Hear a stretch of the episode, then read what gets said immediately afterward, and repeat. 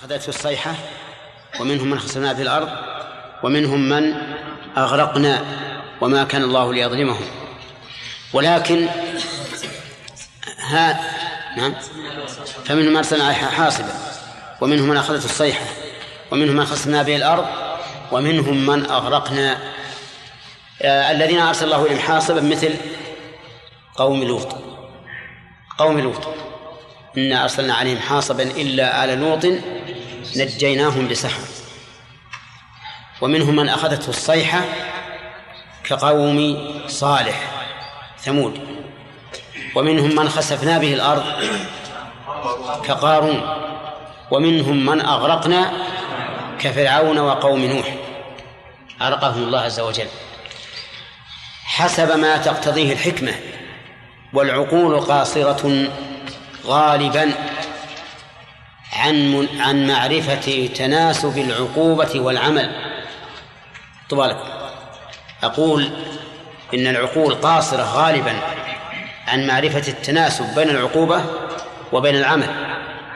وأقول غالبا لأنها أحيانا قد تعرف المناسبة. قد تعرف المناسبة. فمثلا نحن نعرف مناسبة إهلاك عاد بالريح. هو أنهم كانوا يقولون من أشد منا قوة. فأراد الله عز وجل أن يريهم أن أنه يهلكهم بما هو من ألطف الأشياء وهو الريح الهواء الهواء لطيف. ومع ذلك دمر الله بها هذه الأمة التي تفخر بقوتها. في آل فرعون كان فرعون يعتز بالأنهار التي تجري من تحته ويقول لقومه يا قوم أليس لي ملك مصر وهذه الأنهار تجري من تحتي أفلا تبصرون؟ أم أنا خير من هذا الذي هو مهين ولا يكاد يبين؟ فأهلك الله فأهلكه الله عز وجل بجنس ما افتخر به وهو الماء. والباقي أنا لا أستطيع أن أحدد التناسب بين العمل وبين العقوبة لكن قوله تعالى فكلنا أخذنا بذنبه يدل على أن العقوبة تناسب العمل.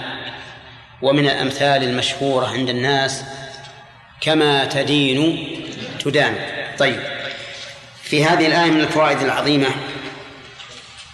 أن الله سبحانه وتعالى قد أهلك أمما. قبل هذه الأمة. لقوله سنن وسنن جمع. جمع كثرة ولا جمع قلة؟ أو قلة. سنن. قلة أو كثرة كثرة قلة. الأمران جميعا. لا هذا ولا هذا. القسمة أربعة الآن. نعم. أنا أقرأ عليكم بيتا من لابن مالك. انظروا. قال ابن مالك رحمه الله أفعلة أفعل ثم فعلة ثم أفعال جموع قلة. أفعلة أفعل ثم فعلة ثم أفعال جموع قلة. ماذا تكون سنن؟ جمع كثرة؟ قولا واحدا. قولا واحدا. يعني أن جمع القلة محصور بهذه الأوزان الأربعة فقط. أفعلة ها؟ أفعل ثم فعلة ثم أفعال جموع قلة. نعم؟ طيب. آه، ومن فوائد هذه الآية تسلية هذه الأمة من وجه تسلية هذه الأمة من وجه وتحذيرها من وجه آخر. تسليتها من وجه وتحذيرها من وجه آخر. تسليتها بأن الله سبحانه وتعالى قد عاقب من قبلها فعقوبته لها في أحد من سنن الله عز وجل. لأنه لا شك أنه أن ما حصل في أحد عقوبة حتى إذا تنازعتم في الأمر حتى إذا فشلتم وتنازعتم في الأمر وعصيتم من بعد ما أراكم ما تحبون. وفي أيضا تحذير من جهة أخرى عن عقوبة أشد وأن لأن الأمم السابقة أهلكوا ودمروا عن آخرهم. طيب من فوائد هذه الآية الكريمة إثبات القياس. إثبات القياس؟ كيف؟ لأن المقصود بقوله تسير في الأرض النظر والاعتبار وأن يقاس ما حضر على ما مضى على ما مضى وسبق. نعم. ومن فوائد الآية الكريمة الأمر بالسير في الأرض. الأمر بالسير في الأرض. ولكن هل هو على إطلاقه؟ أو من أجل الاعتبار فقط. لننظر فسيروا في الأرض فانظروا. إذن السير في الأرض لغير غرض شرعي مذموم كما قال الشيخ الإسلام ابن تيمية رحمه الله وغيره من أهل العلم. لأن السير في الأرض من غير غرض شرعي فيه إتعاب النفس وتعريضها للهلاك وإضاعة المال وإضاعة الوقت أما إذا كان لغرض شرعي فهو على حسب هذا الغرض. وعلى هذا فإن فإن السير في الأرض ينقسم إلى أقسام. قسم لأغراض محرمة وهذا لا شك في تحريمه. قسم آخر لأغراض مشروعة مطلوبة وهذا لا شك في طلبه. وقسم ثالث لمجرد الفرجة والنزهة فهذا ينظر فيه. الأصل فيه الإباحة ولكن إن توصل به الإنسان إلى محرم كان حراما وإن توصل به إلى مشروع كان مشروعا. فمثال الأول السير في الأرض من أجل الحرام ما يفعله بعض الناس المترفون. الذين يسيحون في أرض الكفر وأرض المجون من أجل أن يحصلوا على مآربهم الذي التي لا يستطيعون أن أن يحصلوا عليها في بلادهم. وهذا لا شك في أنه حرام. لأنه لأن السفر لهذا الغرض حرام ونفس هذا الغرض أيضا. حرام وإضاعة المال فيه حرام فهو مركب حرام مركب. ظلمات بعضها فوق بعض والعياذ بالله. والثاني الذي يكون للمشروع مثل السير في الأرض لطلب الرزق الواجب. كإنسان ليس عنده ما يقوته وأهله فسار في الأرض من أجل الحصول على هذا الرزق. وكذلك أيضا السير في الأرض لطلب العلم. لطلب العلم. وقد كان السلف رحمهم الله يسيرون في الأرض لطلب العلم مسيرة شهر من أجل مسألة واحدة. يرحلون ارتحالا في الأرض من أجل مسألة واحدة. والسفر في ذلك الوقت ليس كالسفر في وقتنا هذا. فيه مشقة. وفيه أخطار كبيرة. طيب. وأما السفر الذي لا لهذا ولا, ولا لهذا فمثل سفر بعض الناس للاستجمام والنزهة في أيام الإجازة إجازات الأعياد وما أشبهها هذا نقول ليس فيه بأس بالأصل لكن قد يكون مفضيا إلى خير فيكون خيرا كما لو كان في هذا في هذا السير صلة رحم. أو بر والدين أو ما أشبه ذلك فإنه يكون في هذه الحال أمرا مطلوبا. طيب السير في الأرض التي هلكت أهلها هل هو من الأمور المطلوبة؟ نقول نعم إذا كان المقصود بهذا الاتعاظ. أما إذا كان المقصود بهذا التفرج على قوة القوم وما أشبه ذلك فإنه لا يجوز. لأن النبي صلى الله عليه وسلم لما مر بديار ثمود في ذهابه إلى تبوك مر مسرعا مقنعا رأسه عليه الصلاة والسلام خائفا وقال عليه الصلاة والسلام لا تدخلوا على هؤلاء القوم إلا وأنتم باكون فإن لم تكونوا باكين فلا تدخلوها. وهذا خلاف ما يفعله بعض الناس الذين ماتت قلوبهم يذهبون إلى ديار ثمود من أجل الاطلاع على مآثرهم وآثارهم وقدرتهم فإن هذا لا شك أنه حرام. لأن الرسول نهى قال لا تدخلوا على هؤلاء القوم إلا أن تكونوا باكين فإن لم تكونوا باكين فلا تدخلوا عليهم. طيب من فوائد هذه الآية الكريمة أن عاقبة المكذب لله ورسله عاقبته وخيمة. لقوله فانظروا كيف كان عاقبة المكذبين.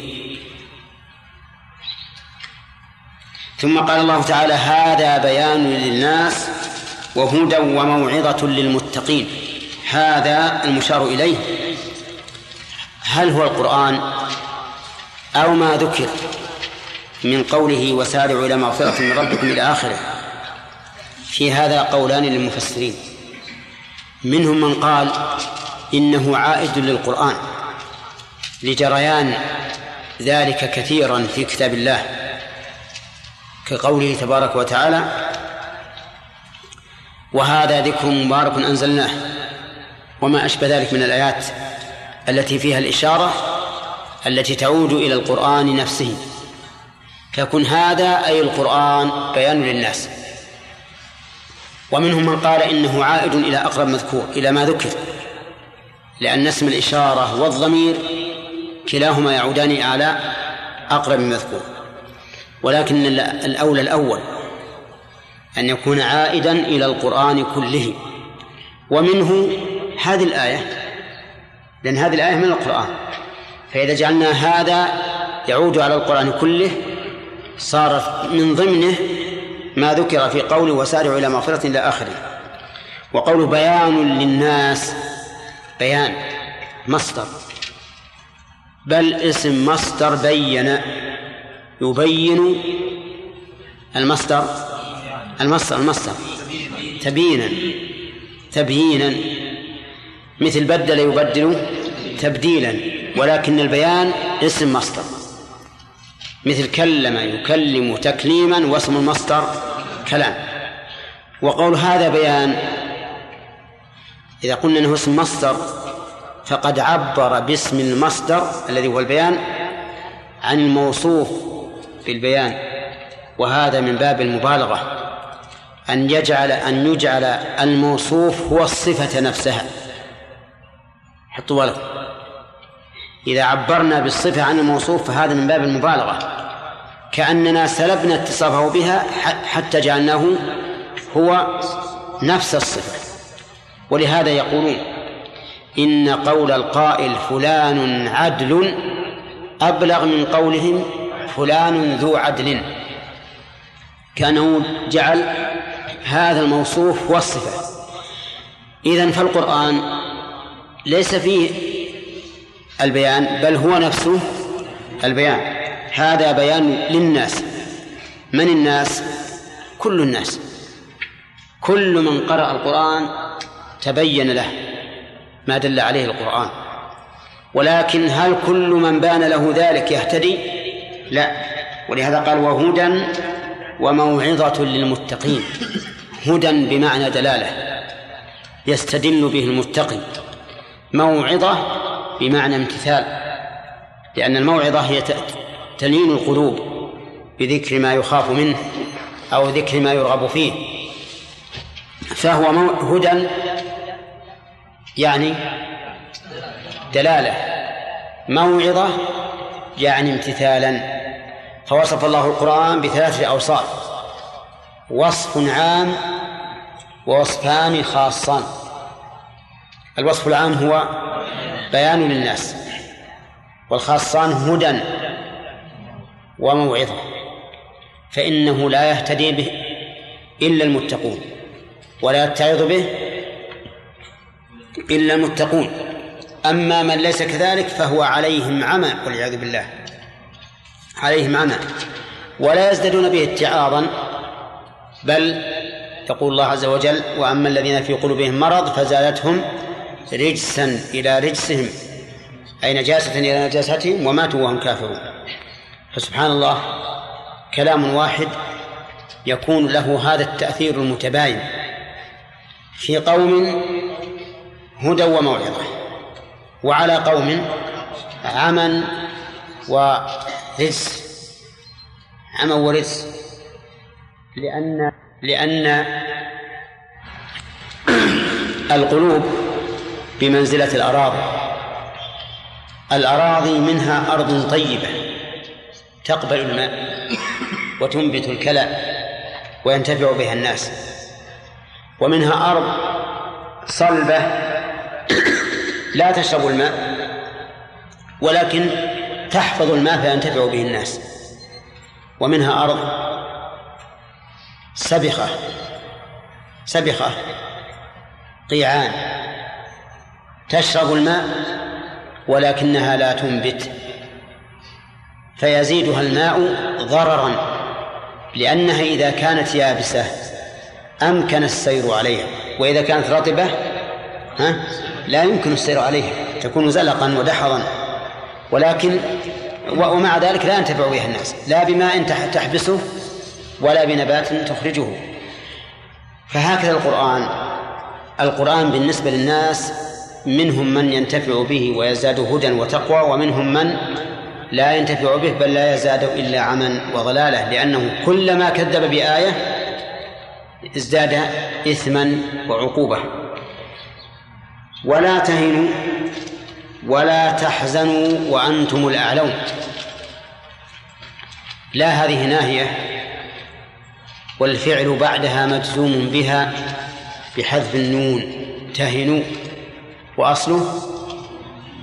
ها؟ تهنون. فحذفت النون من أجل الجزم. لا تهنوا. والخطاب لهذه الأمة. وعلى رأسها نبينا صلى الله عليه وسلم وأصحابه. والوهن الضعف. يعني لا تضعفوا. كما قال تعالى ولا تهنوا في ابتغاء القوم. لا تضعفوا وتجبنوا. ولا تحزنوا على ما أصابكم. وأنتم الأعلون. فذكر الله سبحانه وتعالى حال إقدامهم وحال إدبارهم. حال إقدامهم نهاهم عن الضعف. وهذا يعطيهم قوة وإقداما. وحال إدبارهم نهاهم عن الحزن وهذا يعطيهم إعراضا عما عما وراءهم وعدم التفات إليه.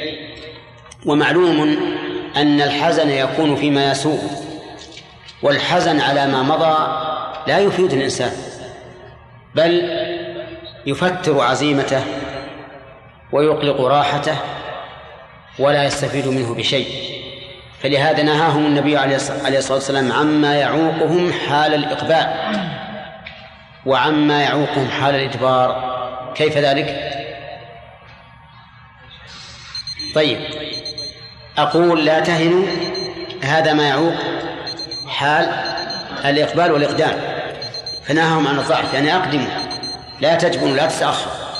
لا تحزنوا عما يكون سببا لتوقفهم في حال الإدبار.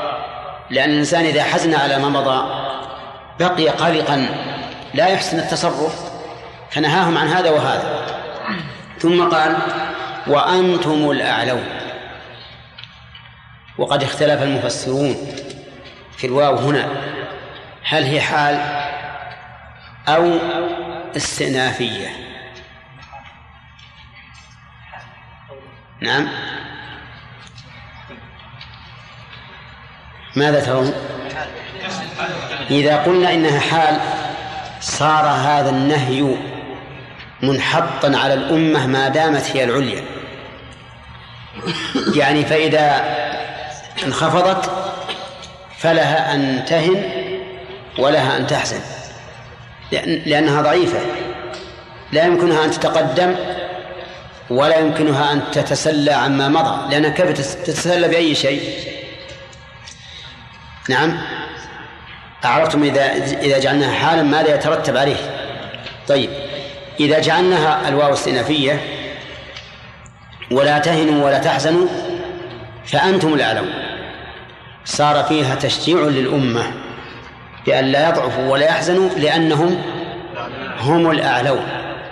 حتى لو أصيبوا بما يصابون به في ما تقتضيه حكمة الله بمداولة الأيام بين الناس فإن العاقبة لهم.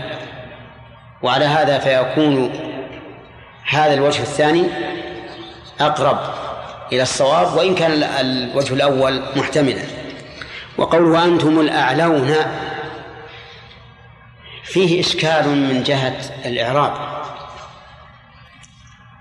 لأن المعروف أن واو الجماعة يضم ما قبلها فيقال مسلمون. ولا ولا يقال مسلمون. وهنا قال وأنتم الأعلون ولم يقل وأنتم الأعلون. واو الذي مضموم قبل. لأنه أصله أعلون وبعد حذف الواو. وبعد بدل الواو الأول بالألف. والألف حذف لالتقاء الساكنين. واللام مفتوحة يدل على حذف الواو. لهذا يكون. سمعتم؟ ها؟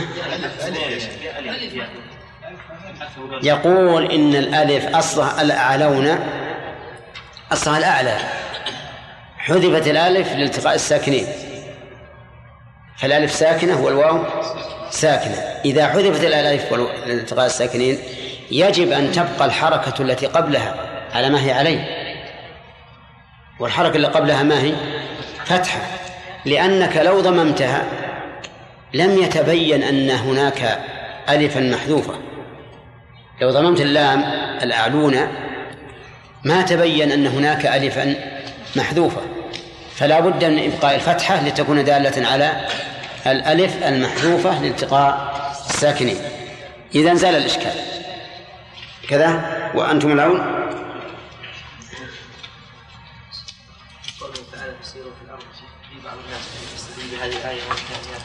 جمع أثار الصادقين ينفق الأموال آثار ويساعد الطلب يقول إن قوله تعالى فسيروا في الأرض يستدل به بعض الذين مغرمون بجمع آثار. فيأخذون القطعة الأثرية التي لا تساوي قرشا بدراهم كثيرة. فهل يدخل في ذلك؟ الجواب لا. لا يدخل فيه. لأن هؤلاء الذين يجمعون الآثار لا يقصدون بها الاعتبار وأن عاقبة من كانوا على هذا الوجه الدمار والهلاك. لكنها أشياء تميل إليها نفوسهم. كما أن أن سمعنا ونسمع كثيرا أن من الناس من يجمع ذقاع أو أو طوابع البريد.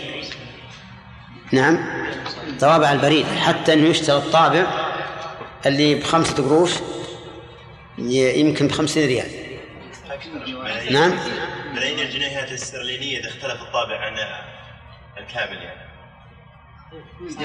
نعم يا شيخ. ملايين؟ ملايين 60 مليون استرليني يا شيخ. جنيه استرليني لا حول ولا قوة.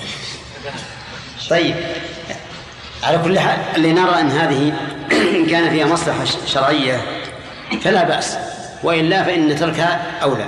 نعم. شيخ سلام الله ما الفرق بين السياحة والسيف؟ نعم. لا فرق بينهما. لا فرق بينهما. السياحة هي السيف؟ إيه السياحة في الأرض يعني السير فيها. طيب يعني ما في تقييد بأربعة أشهر. نعم. نفسها. لا لا. لا ما كما أقول سيروا في الأرض أربعة أشهر. نعم. أحسن الله إليك من سار في الأرض لغرض شرعي كعلاج مثلا لكن صاحبه أمر محرم. هل يمنع من السيف؟ إذا كان لا يمكن أن يسير للعلاج إلا بارتكاب هذا المحرم صار هذا حرام. وذلك لأن العلاج بالمحرم حرام. العلاج بالمحرم حرام. لأن ارتكاب المحرم ضرر محقق ضرر محقق. والشفاء من المرض مصلحة متوقعة غير متيقنة. ولولا هذا لقلنا إن من اضطر إلى أكل لحم إن من احتاج إلى أكل لحم الخنزير للعلاج جاز له أن يأكله مع أنه لا يجوز. وهذا هو الفرق. بين جواز أكل لحم الخنزير للجوع وأكل لحم الخنزير للاستشفاء. فالثاني حرام والأول جائز لأن أكل اللحم عند الجوع يفيد قطعا فإنه يدفع الجوع ويسد رمق الإنسان. لكن علاجه بالمحرم قد ينجح وقد لا ينجح فهو يرتكب مفسدة محققة لتوقع مصلحة موهومة. وإن شئت فقل راجحة أيضا لكن ليس الراجح كالمتيقن. ولهذا جاء في الحديث إن الله لم يجعل شفاءكم فيما حرم عليكم. وهذا حق. لكن لو فرض أن بعض الأدوية فيها شيء من لحم الخنزير إلا أنه لا يؤثر. لا يؤثر. لا طعما ولا رائحة. فهل يجوز أو لا؟ يجوز. يجوز. هل يعرف ما ما يجوز؟ ها؟ هل يعرف أنا الأدوية في لحم الخنزير ما يجوز. إيه يعرف يعرف. يعرف لكنه جزء يسير. لا يؤثر. ما يجوز. أبدا؟ في أي حال من الأحوال. يجوز. نعم. هو ما يوكل هذا الدواء. يستعمل في استمامات كثيره في القلب. نعم. يوضع فقط ما يوكل إي نعم. قصدك النجس يعني؟ هذا اللي نعرفه بالنسبة للخنزير. ها؟ هذا اللي نعرفه بالنسبة للخنزير اللي يستعمل منه للعلاج فقط. يعني انسى هي السمام بس. يوضع وضع لا تؤكل يعني. في الكحول يا شيخ. يعني ما فيه دواء يوضع يوضع فيه أكل. أنا أنا أنا ضربته مثلا. ولنفرض إنه دواء في الكحول. دواء من لحم الخنزير. لكن هذه الكحول لا يظهر لا يظهر أثرها. ولا طعمها فهل تجوز؟ نقول نعم. نعم. ونستدل لهذا بقول النبي عليه الصلاة والسلام إن الماء طهور لا ينجسه شيء. إلا ما غلب على طعمه ولونه وريحه وإن كانت هذا الاستثناء ضعيفا لكنه متفق عليه. متفق بين العلماء على حكمه. أن الماء طهور لا ينجسه إلا ما غير ريحه. فإذا كان الماء لا ينجس ويجوز تتوضأ به وتشربه فكذلك غيره. لكن استعمال لحم الخنزير أو شحم الخنزير على وجه لا يتعدى يعني لا يأكل الإنسان. هل هو جائز؟ نقول نعم يجوز. فلو فرض أن شخصا وصف له أن يدهن بشحم الخنزير وادهن به ولكنه إذا أراد الصلاة سوف يغسله فإن ذلك جائز. جائز. وقد نص على هذا الشيخ الإسلام ابن تيمية رحمه الله في كتاب الفتاوي وهو صحيح. لأنه ما يضر. مثل دهن السفن بالشحم النجس وما أشبهه. أعوذ بالله من الشيطان الرجيم. قال الله سبحانه وتعالى قد خلت من قبلكم سنن فسيروا في الأرض. ما المراد بالسنن هنا يا آدم؟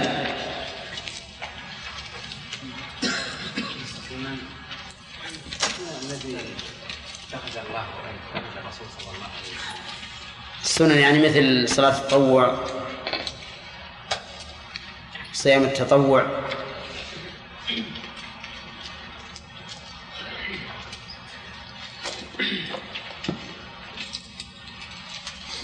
نعم.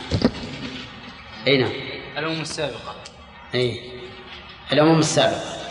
نعم قد يعني السنن تطلق على الأمم هذا رأي. نعم الرأي الثاني. الطريق. الطريق. الطرق. يعني مرض طرق الله عز وجل في المكذبين للرسل. نعم. قوله سيروا في الأرض. الأخ هل المراد سير القدم أو القلب؟ نعم. نعم كلاهما. سير القلب.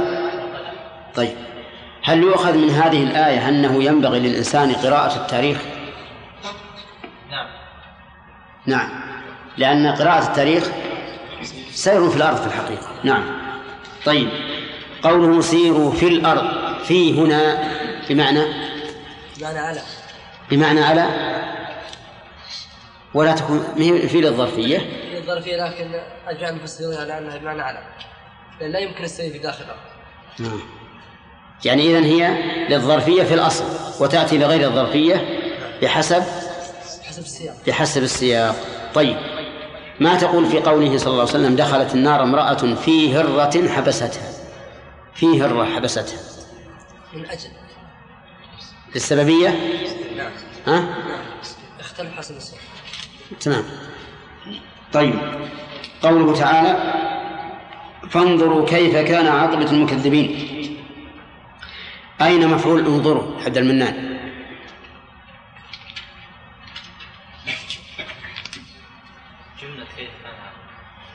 جملة كيف؟ وأين خبر كان؟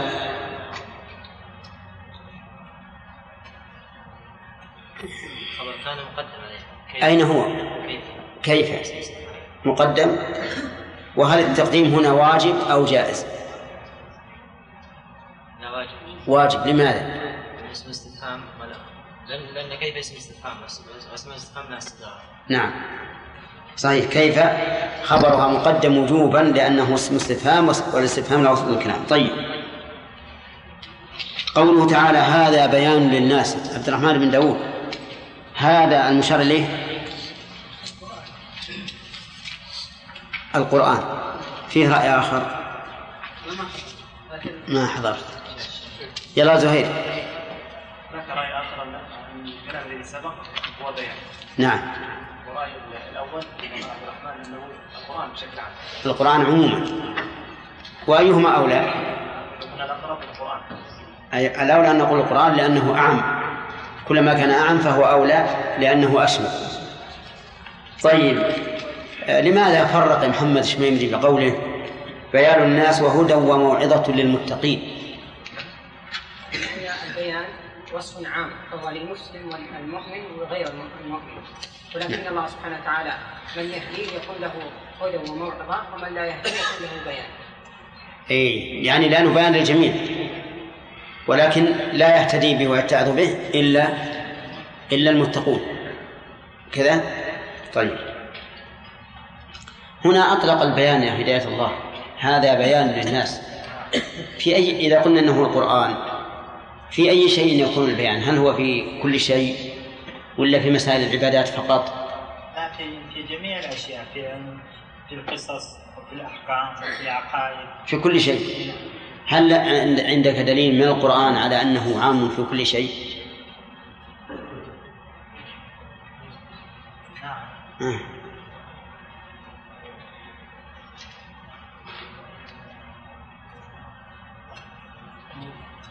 إمداد.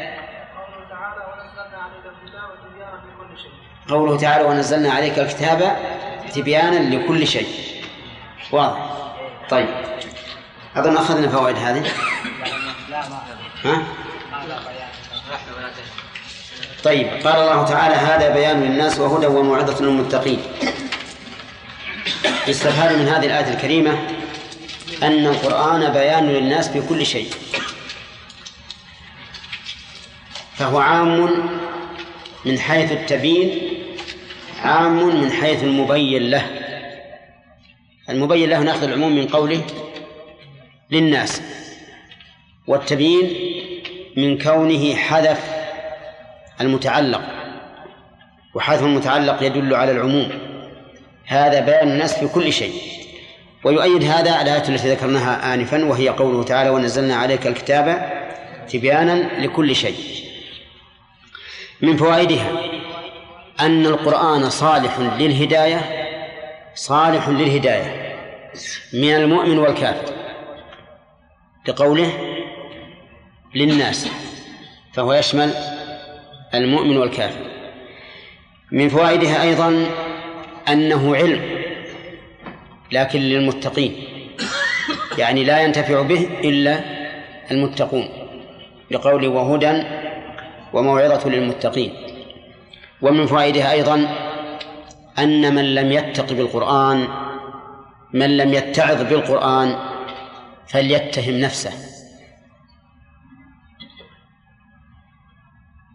من أين تؤخذ؟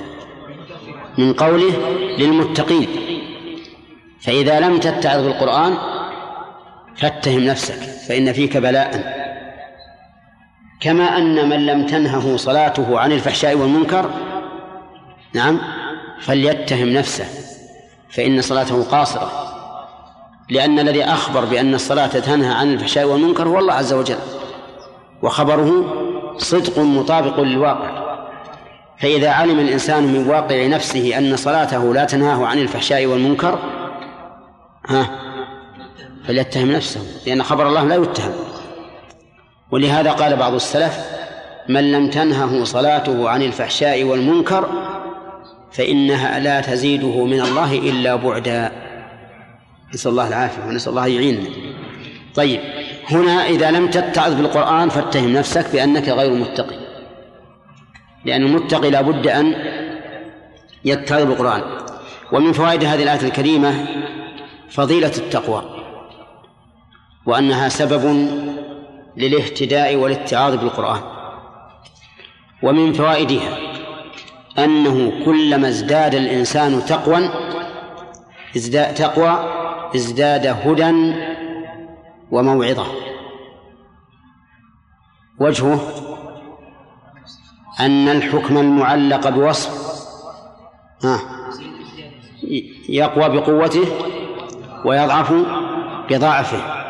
فإذا كان الهدى والموعظة معلق بالتقوى فإنه لا بد أن يزداد ويقوى بالتقوى ويضعف وينقص بعدم التقوى. واضح؟ طيب. ثم قال الله تعالى ولا تهنوا ولا تحزنوا وأنتم الأعلون إن كنتم مؤمنين. في هذه الآية نهي المؤمنين عن الوهن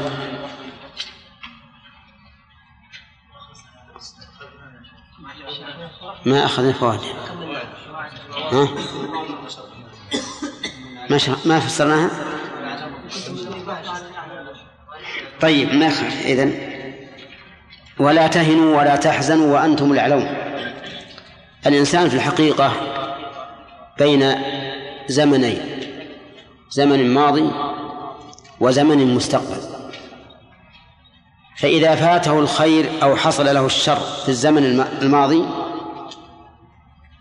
فحاله الحزن يحزن يحزن على ما مضى. في المستقبل إذا ضعف وجبن فاته من الخير بقدر ضعفه وجبنه. ولهذا قال لا تهنوا يعني عن العمل في المستقبل. ولا تحزنوا عما جرى عليكم في إيش؟ في الماضي. فما جرى عليكم في الماضي لا تحزنوا لأنتم لأنكم أنتم الأعلون ومن كان الأعلى فستكون العاقبة له. ما كان مستقبلا لا تضعفوا فيه ولا تجبنوا فيه لأن العاقبة لكم حيث إنكم أنتم الأعلون. وقوله لا تهنوا ولا تحزنوا وأنتم الأعلون. آه ذكرنا أن هذه الجملة تصلح أن تكون حالية. يعني والحال أنكم أنتم الأعلون لأن الأعلى لا يليق به أن يضعف أو يحزن وذكرنا أن يحتمل أن تكون استئنافية يقرر الله فيها علو المؤمنين. وإذا تقرر علوهم فإن حالهم تقتضي إيش؟ ألا يهنوا ولا يحزنوا. والمعنيان متلازمان. لأن من اعتقد أنه الأعلى فسوف لا يجبن ولا يحزن. ومن كانت حاله العلو فإنه كذلك لن يضعف ولن ولن يحزن. وقوله إن كنتم مؤمنين هذه شرط شرط للعلو. يعني أنتم الأعلون في حال كونكم مؤمنين. مؤمنين. والإيمان كما تعلمون أخص من الإسلام لأن الإسلام يقع من المنافق ومن ضعيف الإيمان. والإيمان لا يكون إلا من من كامل الإيمان من المؤمن حقا. ولهذا قال الله تعالى قالت الأعراب آمنا. شوف الأعراب البادية. تقول آمنا قل لم تؤمنوا ولكن قولوا أسلمنا. لماذا؟ قال ولما يدخل الإيمان في قلوبكم حتى الآن لم يدخل الإيمان في القلب. عندكم إسلام لكن ليس عندكم إيمان إلا أن الإيمان قريب منكم لأن قوله لما حرف نفي يدل على قرب المنفي. يعني أن الإيمان قريبا ما يدخل قلوب قلوبكم. أما الآن فلا. طيب إذن نحن نقول الإنسان هذه الأمة هي العليا بشرط. إيش؟ بشرط الإيمان. أما إذا لم يكن لديها إيمان فليس فليس لله فليس لها عهد عند الله. بنصر لأن العهد الموثق بين الله وبين عباده في النصر هو أن يكون النصر متبادلا. يا أيها الذين آمنوا إن تنصروا الله ينصركم ويثبت أقدامكم. ولينصرن الله من ينصره. إن الله لقوي عزيز. أما إذا لم يكن منا نصر لله عز وجل فإن نصر الله قد يتخلف. يعني ليس بمضمون ليس بمضمون. طيب. إذا أنتم الأعلون إن كنتم مؤمنين. علامة الإيمان أو علامات الإيمان كثيرة. منها أن لا يخاف الإنسان في تنفيذ حكم الله أحدا من الخلق. أن لا يخاف الإنسان في تنفيذ حكم الله أحدا من الخلق. فإن خاف أحدا من الخلق فليس بمؤمن. ودليل ذلك قوله تعالى إنما ذلكم الشيطان يخوف أولياءه فلا تخافوهم وخافوني إن كنتم مؤمنين يخوف أولياءه يعني يخوف أولياءه يوقع الخوف على أوليائه ها؟ آه. ولهذا نقول إن قوله أولياءه مفعول ثاني ليخوف والمفعول الأول محذوف وتقدير الكلام يخوفكم أولياءه يعني يوقع الخوف في قلوبكم من أوليائه. واضح؟ قال تعالى فلا تخافوهم وخافوني إن كنتم مؤمنين. لا تخافوهم وخافوني إن كنتم مؤمنين. الذين قال لهم الناس إن, إن الناس قد جمعوا لكم فاخشوهم فماذا قالوا؟ قالوا حسبنا الله نعم الوكيل. ولا فإذا خوف الإنسان أولياءه وهم الكفار فإنه لا يجوز لنا أن نخافهم. لا يجوز أن نخافهم بل نفعل ما أمرنا الله به ما أمرنا الله به. ولكن أمر الله سبحانه وتعالى لنا بقتال الكفار إنما يكون حين يكون لدينا قوة. نستطيع أن نقاتلهم بها.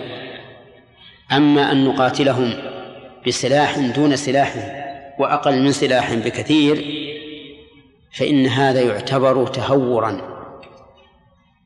ولهذا لم يؤمر المؤمنون بالجهاد إلا حين صار لهم شوكة وقوة. فأما إذا لم يكن فلا. لكن هذا يستلزم أنه يجب علينا أن نتسلح لقتالهم.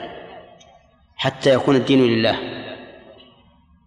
والخطاب هنا في إيجاب التسلح لولاة الأمر لا لأفراد الناس لأن أفراد الناس لا يستطيعون القيام بهذا.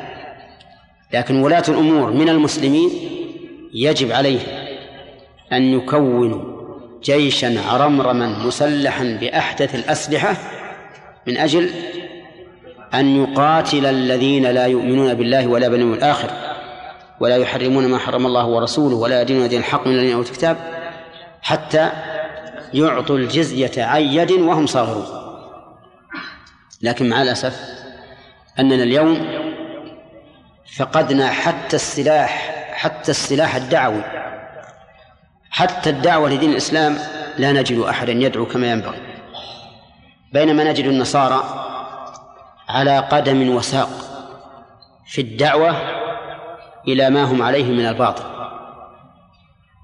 يبذلون الأموال الكثيرة. ويغررون بأنفسهم في المجاهيل في الطرقات في البراري. يحمل القسيس منهم كسرة خبز وجرة ماء ويضرب الفلوات من أجل أن يدعو واحدا من المسلمين إلى أن يكون نصرانيا. نصرانيا أما نحن فمع الأسف الشديد أننا لا لا نحمل هذه القوة المعنوية في نفوسنا مع أننا نحن إذا دعونا إلى الحق فإن ديننا ولله الحمد إذا عرض عرضا صحيحا في الدعوة وعرضا صحيحا في التطبيق فإن ذلك كفيل بأن يدخل الناس في دين الله أفواجا أما إذا كنا ندعو إلى الصدق مثلا ونحن من أكذب عباد الله. إيش هذا؟ هذه دعوة؟ هذه دعوة؟ ليش؟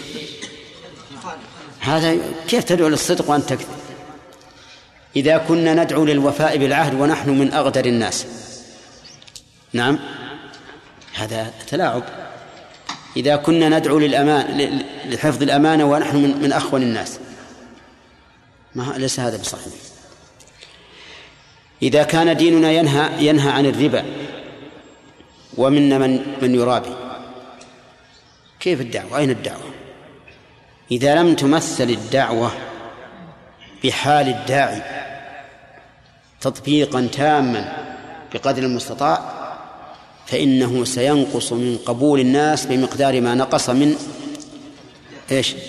من تطبيقها ولهذا نقول إن الله شرط قال أنتم الأعلون إن إن كنتم مؤمنين وصدق الله ورسوله هل هل الأمة الإسلامية اليوم هي العليا؟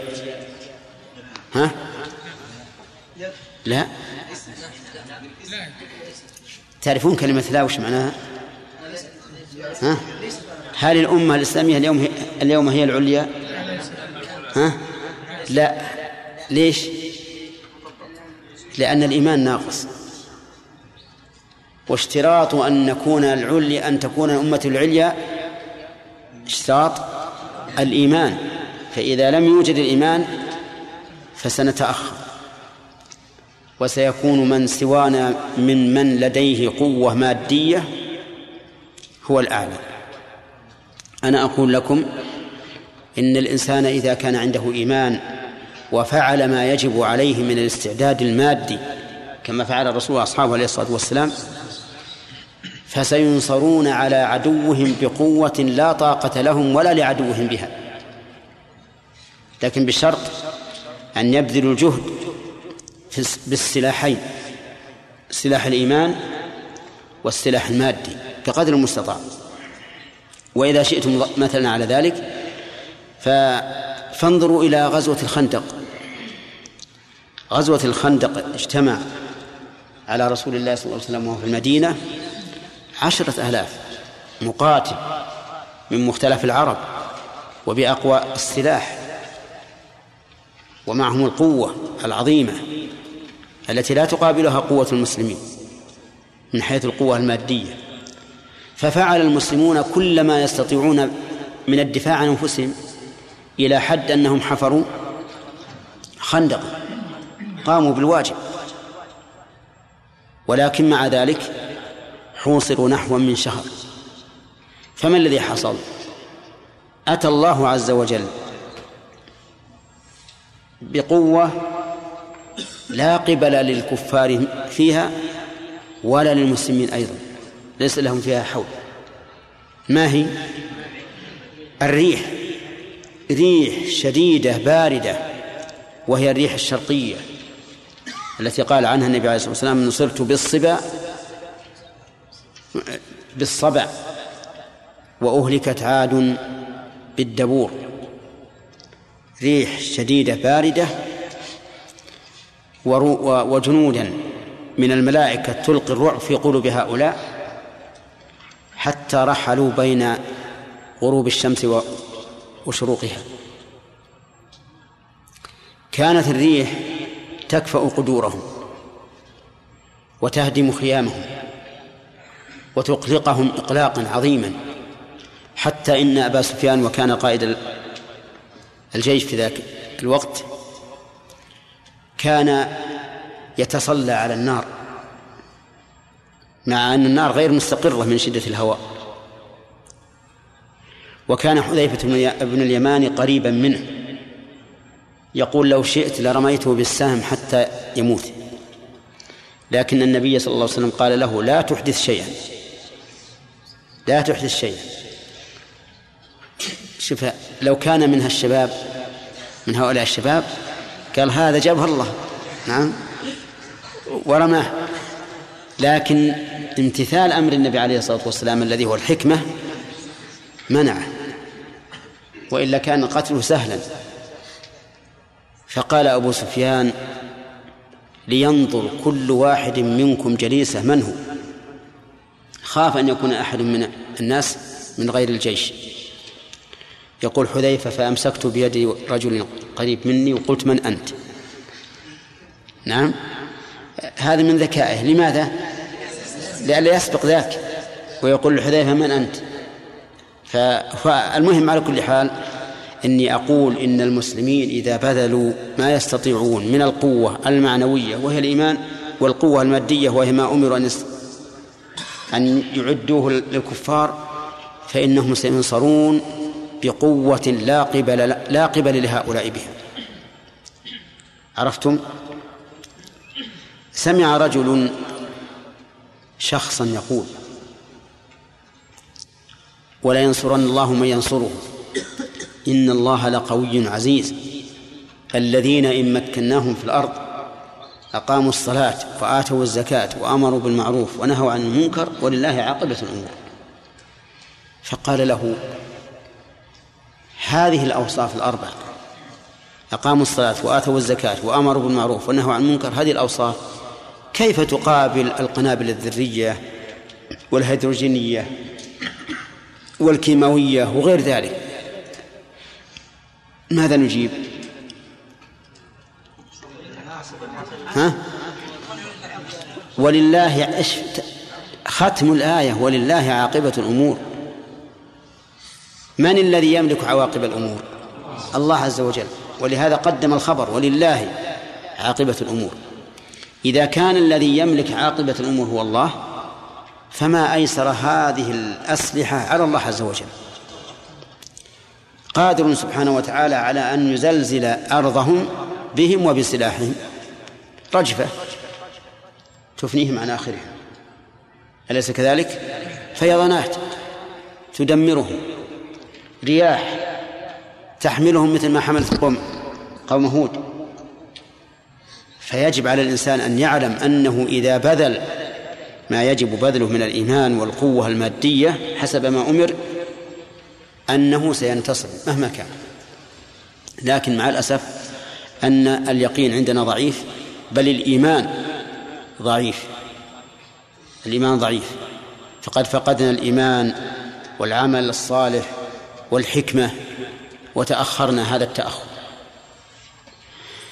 واضح يا جماعة؟ إذن أنتم الأعلون متى؟ إن كنتم مؤمنين. طيب ثم قال الله عز وجل.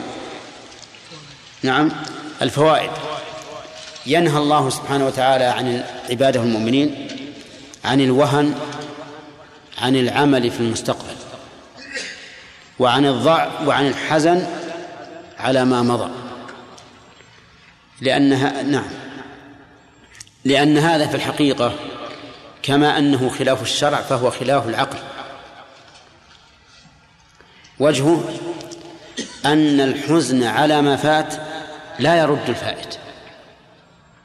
أليس كذلك؟ لو تحزن ليلا ونهارا على ما مضى ما لم تغير شيئا. اللي مضى وقع كما هو لن يتغير. ولهذا كان من الحزم أن لا يحزن الإنسان على شيء مضى بل يقول قدر الله وما شاء فعل. طيب. كذلك الضعف عن المستقبل والوهن والخور كما أنه خلاف الشرع فهو خلاف العقل. لأن العقل يقتضي أن تقابل الأمور بجد وحزم. وفي الحديث الكيس من دان نفسه وعمل لما بعد الموت والعاجز من أتبع نفسه هواها وتمنى على الله الأماني. من فوائد هذه الآية أنه ينبغي للإنسان في غير أعمال الحرب والجهاد أن يكون قوي العزيمة.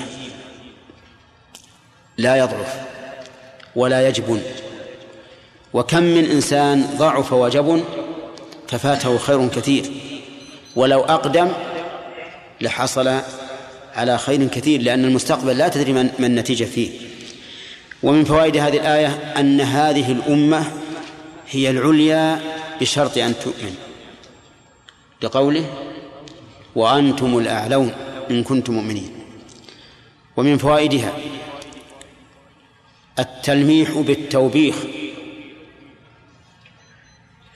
إذا حصل الوهن أو الحزن. لا سيما إذا قلنا إن الواو هنا واو الحال. يعني كيف يليق بكم أن تهنوا وتحزنوا وأنتم الأعلون لأن الأعلى لا يليق به أن يهن أو أن يحزن. ومن فوائد هذه الآية أنه كلما ازداد إيمان الأمة ازدادت علوا. من أين تؤخذ؟ لأنه رتب العلو على الإيمان والمرتب على الشيء يزيد بزيادته وينقص بنقصه. نعم. وهذه الآية قريب منها قوله تعالى هو الذي أرسل رسوله بالهدى ودين الحق ليظهره على الدين كله. يظهره يعني يبينه ويعليه. يبينه ويعليه. ومنه قول قولهم ظهر على الجبل يعني على عليه. ومنه ظهر الحيوان وهو أعلى الحيوان. طيب إذن ليظهره على كله يعليه. فإذا أردت أن تعلو على البشر فخذ بهذا الدين. لأن هذا الدين لا بد أن يكون هو الدين العالي على كل شيء.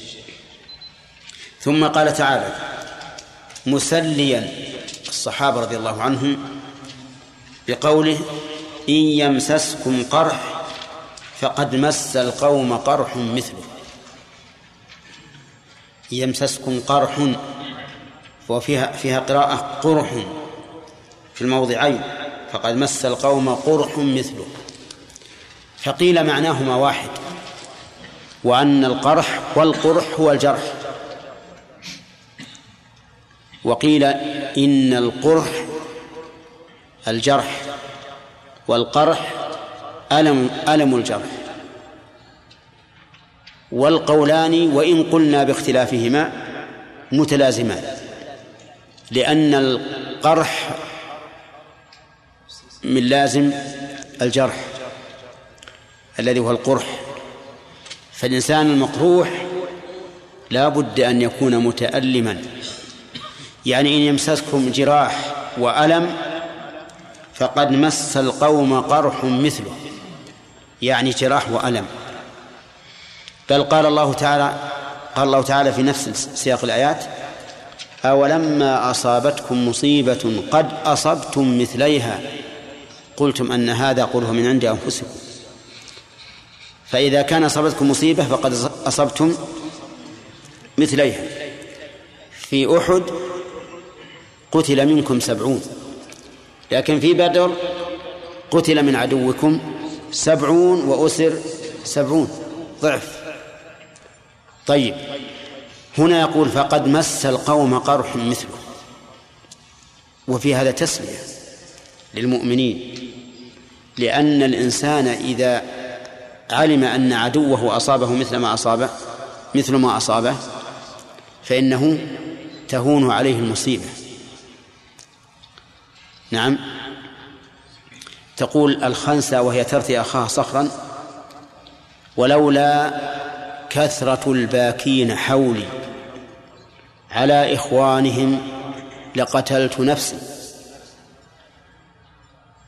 وما يبكون مثل أخي ولكن أسلي النفس عنه بالتأسي.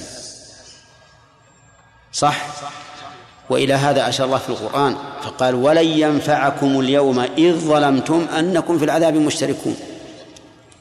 فاشتراككم في العذاب لم ينفعكم ولم يخفف عنكم الألم. طيب لكن الله عز وجل يقول للمؤمنين إن كنتم قد أصبتم بقرح فقد أصيب عدوكم بقرح مثله. بل في آية أخرى يقول الله عز وجل ولا تهنوا في ابتغاء القوم.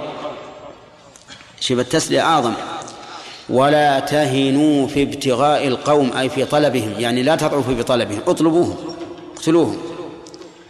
إن تكونوا تألمون فإنهم يألمون كما تألمون. صدق الله. أليس كذلك؟ وش بعد؟ وترجون هذه النكتة. وترجون من الله ما لا يرجون. هذه الفائدة العظيمة. هم لا يرجون شيئا. إنما يرجون إنما يريدون علوا واستكبارا. خرجوا من ديارهم بطرا ورئاء الناس. وأنتم ترجون إيش؟ ترجون الجنة ترجون الشهادة. ولهذا قال ترجون من الله ما لا يرجون. والصحابة ماذا قالوا لأبي سفيان في أحد؟ لما قال يوم بيوم بدر والحرب سجال. يعني مرة لنا ومرة علينا قالوا لا سواء لا سواء.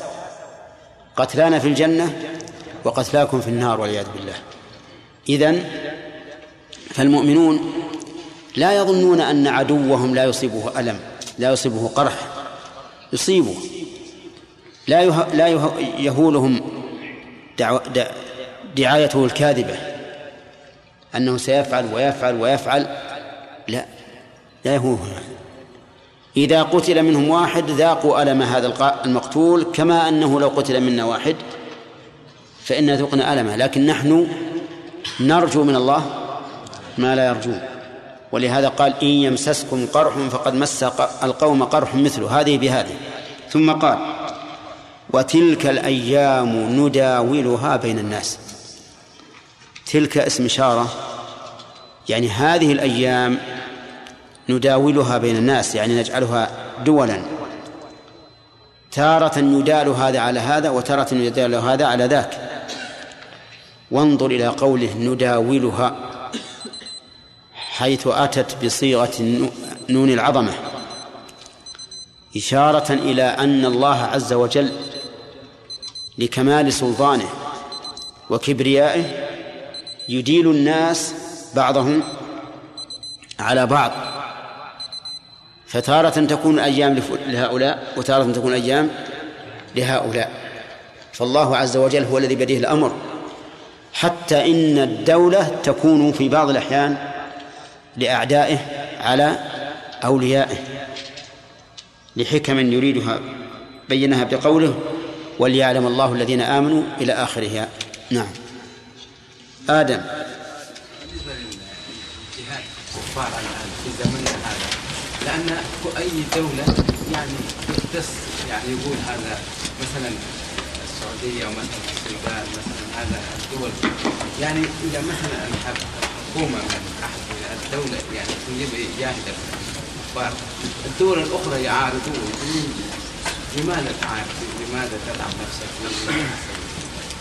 يعني إذا كان أمة واحدة مثلا دولة يكون جميع المسلمون يكون رئيسهم واحد كان ممكن يكون يتفقوا في الجهاد. لكن الآن الاتفاق في الجهاد صعب جدا. يا آدم هو عندك أمة إسلامية الآن على حسب ما يريد الله منها؟ أسألك الآن هل عندك أمة إسلامية على حسب ما يريد الله منها؟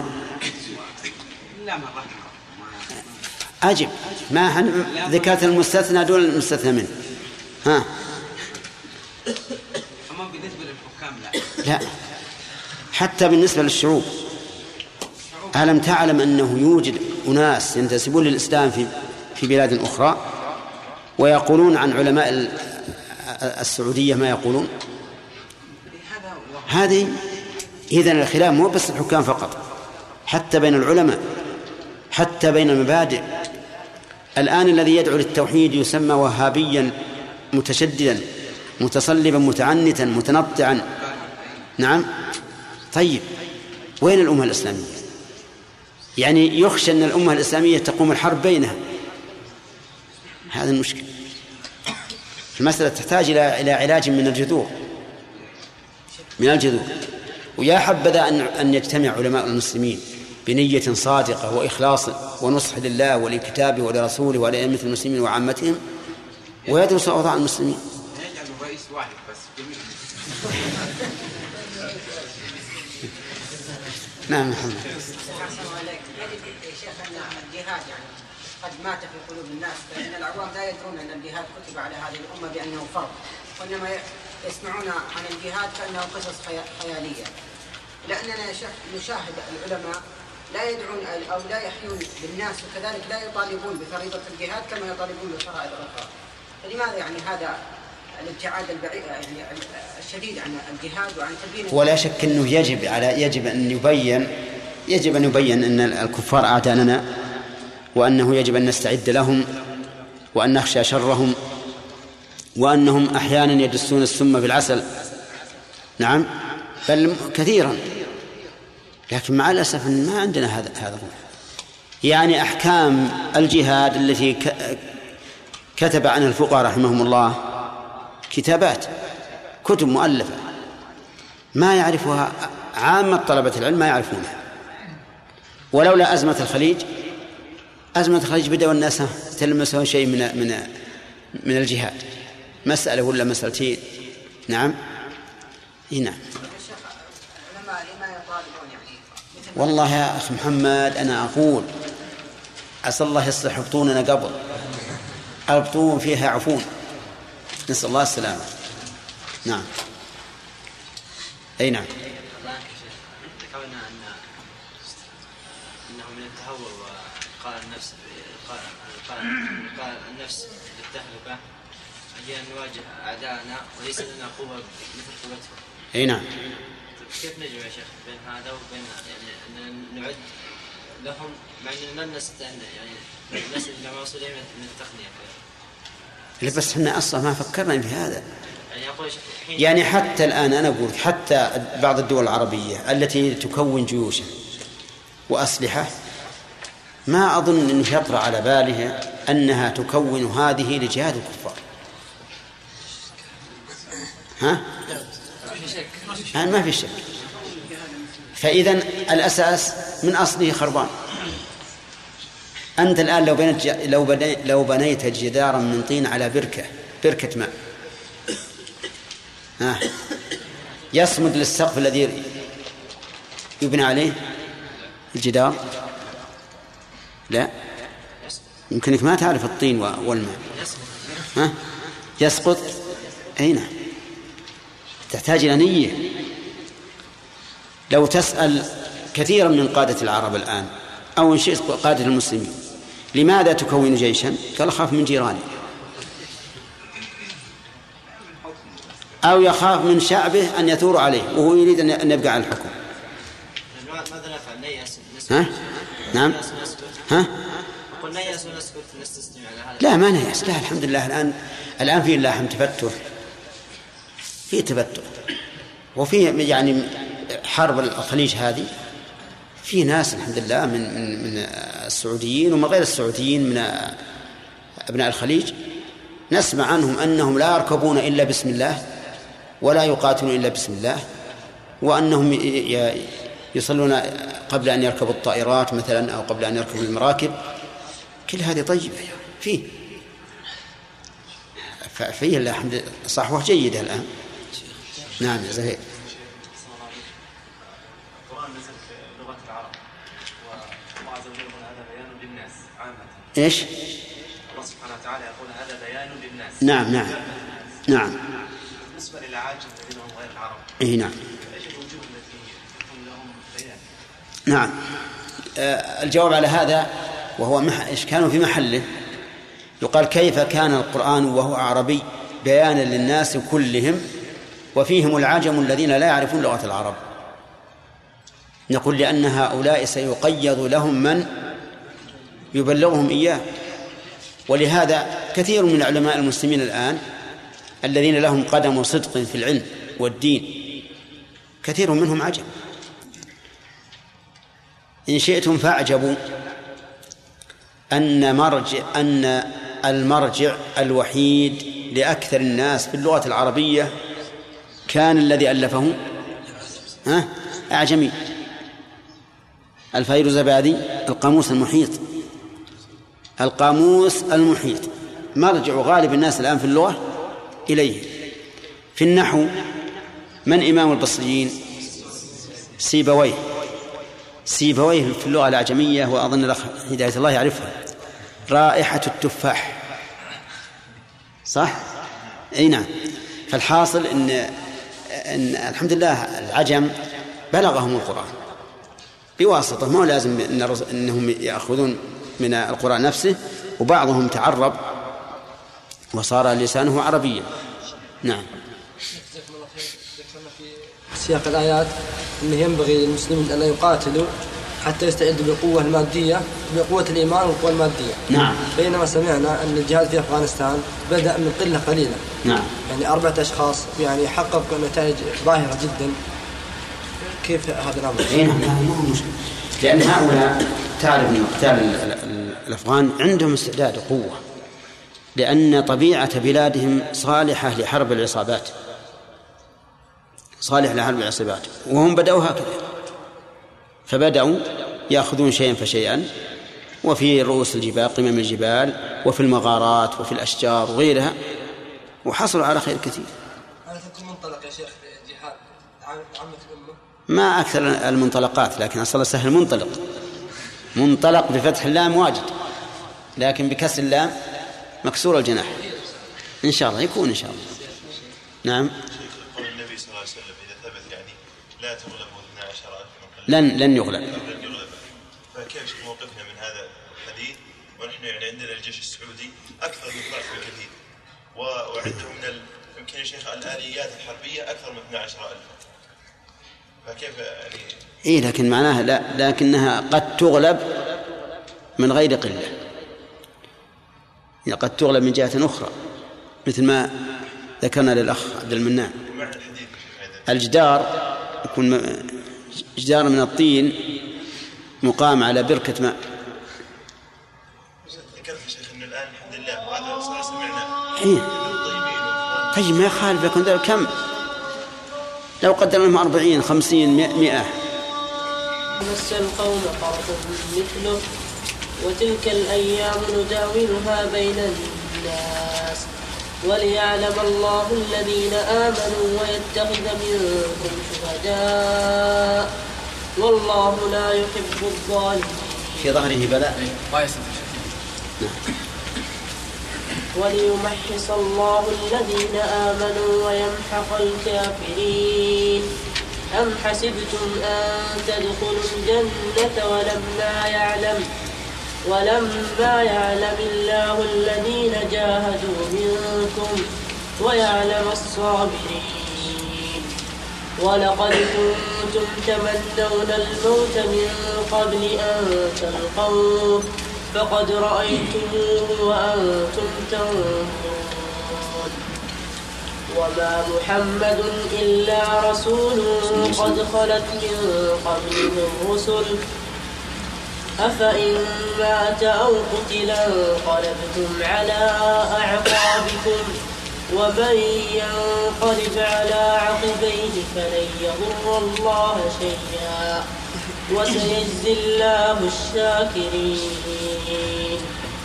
وما كان لنفس أن تموت إلا بإذن الله كتابا مؤجلا. ومن يرد ثواب الدنيا نؤته منها ومن يرد ثواب الآخر ومن يرد ثواب الآخرة نؤته منها. وسنجزي الشاكرين. أعوذ بالله من الشيطان الرجيم. قال الله عز وجل إن يمسسكم قرح فقد مس القوم قرح مثله. وتلك الأيام نداولها بين الناس وليعلم الله الذين آمنوا ويتخذ منكم شهداء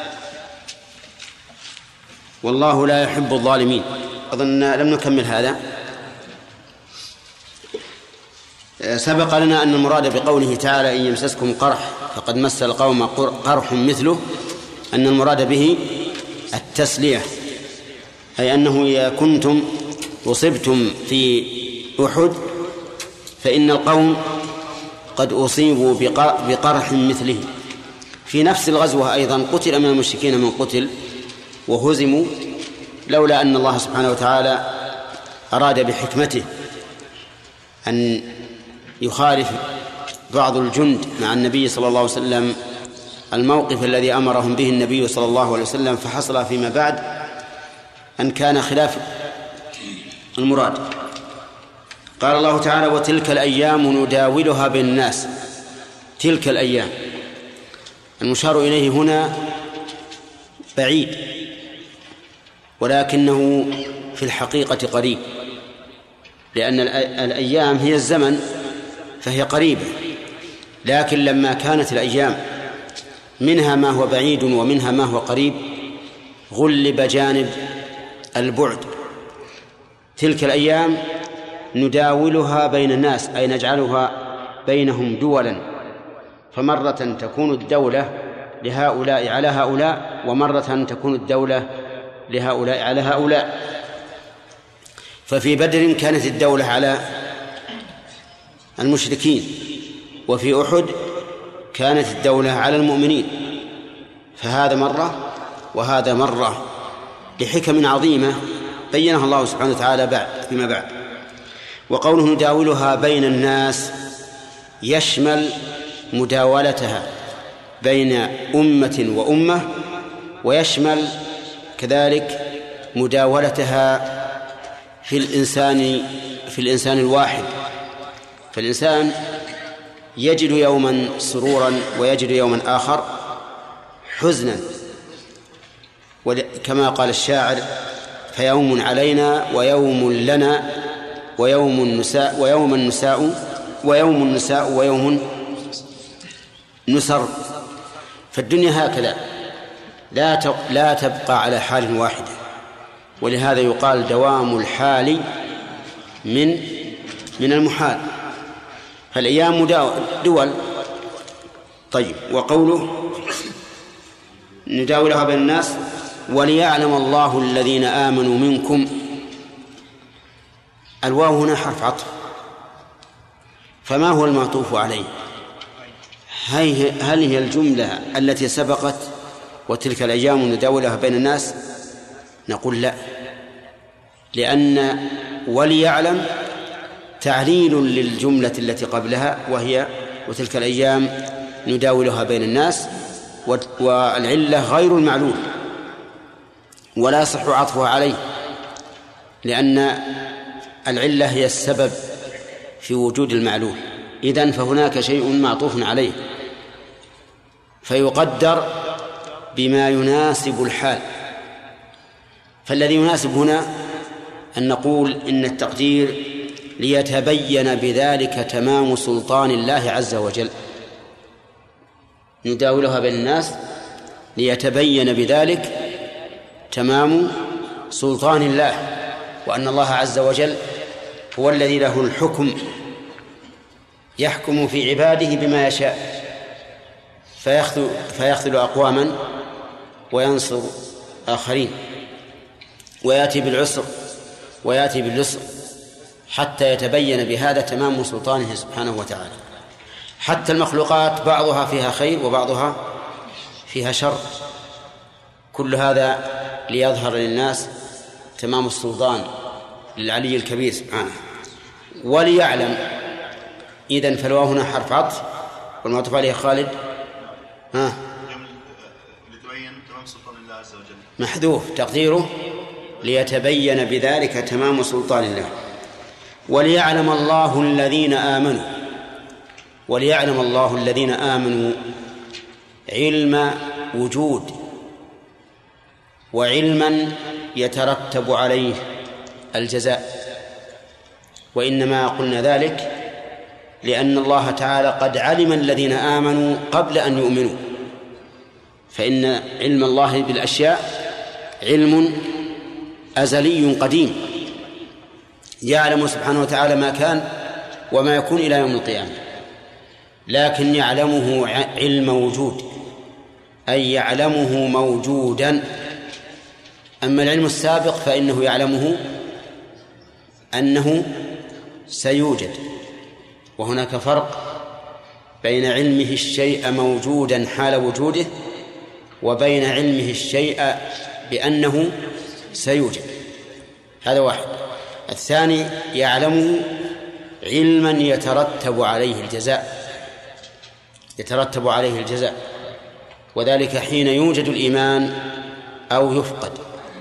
أما علم الله السابق فإنه لا يترتب عليه الجزاء وذلك لأن المؤمن لم يكن موجودا بعد حتى يجازى أو لا يجازى وبهذا يزول الإشكال الوارد على مثل هذه الجملة ويحصل به الجواب عن الإشكال وهو أن يقال إن الله تعالى قد علم الذين آمنوا من قبل.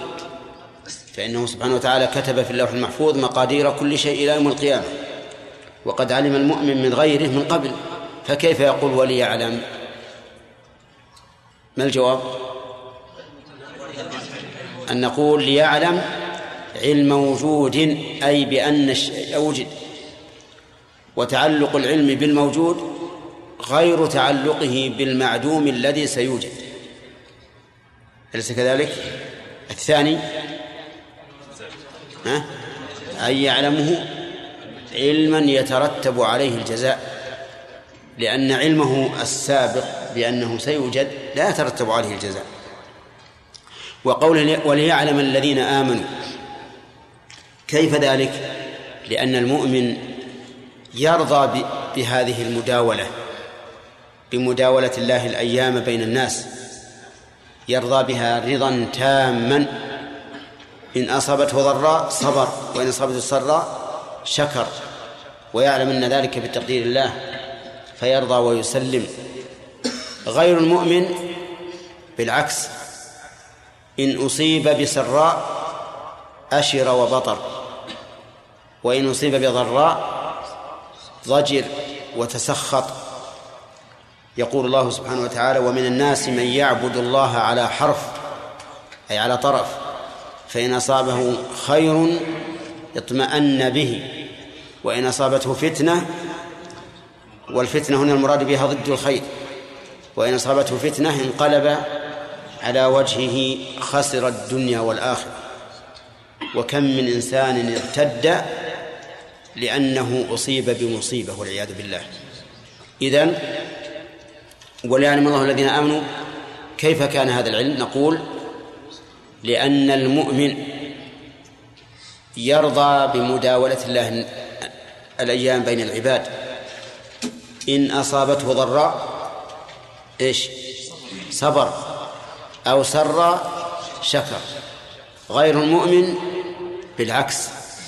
غير المؤمن بالعكس لا يرضى بقضاء الله وقدره. يقول لو أطاعونا ما قتلوا.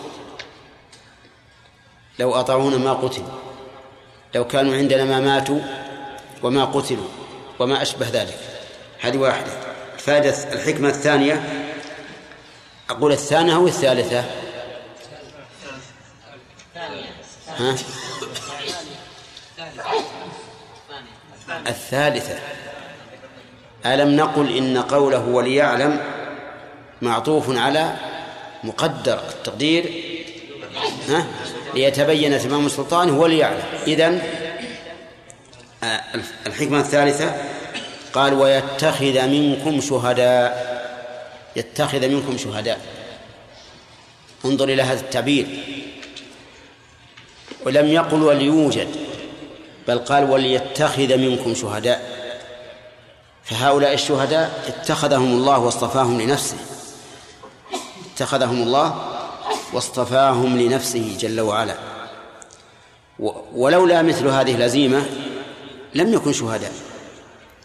ولكن من أجل أن يتخذ منكم شهداء أي يتخذ منكم أناسا قتلوا في سبيل الله. وكم من شهيد اتخذهم في غزوة أحد؟ كم؟ كذا عامر؟ كم؟ سبعون رجلا. لولا هذا لم يكن هناك شهداء. ويتخذ منكم شهداء. والله لا يحب الظالمين. قوله والله لا يحب الظالمين. قد يبدو نعم. أولا من هم الظالمون؟ الظالمون هم الذين نقصوا حق الله وحق عباده. لأن الأصل في الظلم النقص. الأصل أن معنى الظلم النقص. لقوله تعالى كلتا الجنتين آتت أكلها ولم تظلم منه شيئا أي لم تنقص. فالظالم هو الذي نقص في حق الله وحق عباده بل وحق نفسه وما ظلمون ولكن كانوا أنفسهم يظلمون. فالظالم لا يحبه الله لكن إن كان ظلمه ظلم كفر فلا حظ له في محبة الله. وإن كان ظلمه دون ذلك فله من محبة الله بقدر ما معه من العدل ومن كراهة الله بقدر ما معه من الظلم. قوله لا يحب الظالمين قد يبدو غريبا على القارئ. مناسبة هذه الجملة لما قبلها. ويتخذ منكم شهداء والله لا يحب الظالمين. كيف هذا؟ فيقال الجواب من وجهين. الوجه الأول أن أن المراد به بقوله والله لا يحب الظالمين بيان أن الذين تخلفوا عن غزوة أحد وهم مقدار ثلث الجيش لم يكن منهم شهيد لأنهم نجوا بأنفسهم فلكونهم ظلمة لم يتخذ الله منهم شهداء فيكون ذلك تنديدا بمن؟ ها؟ بمن يا جماعة؟ ما في فرار بالذين تخلفوا ورجعوا من أثناء الطريق.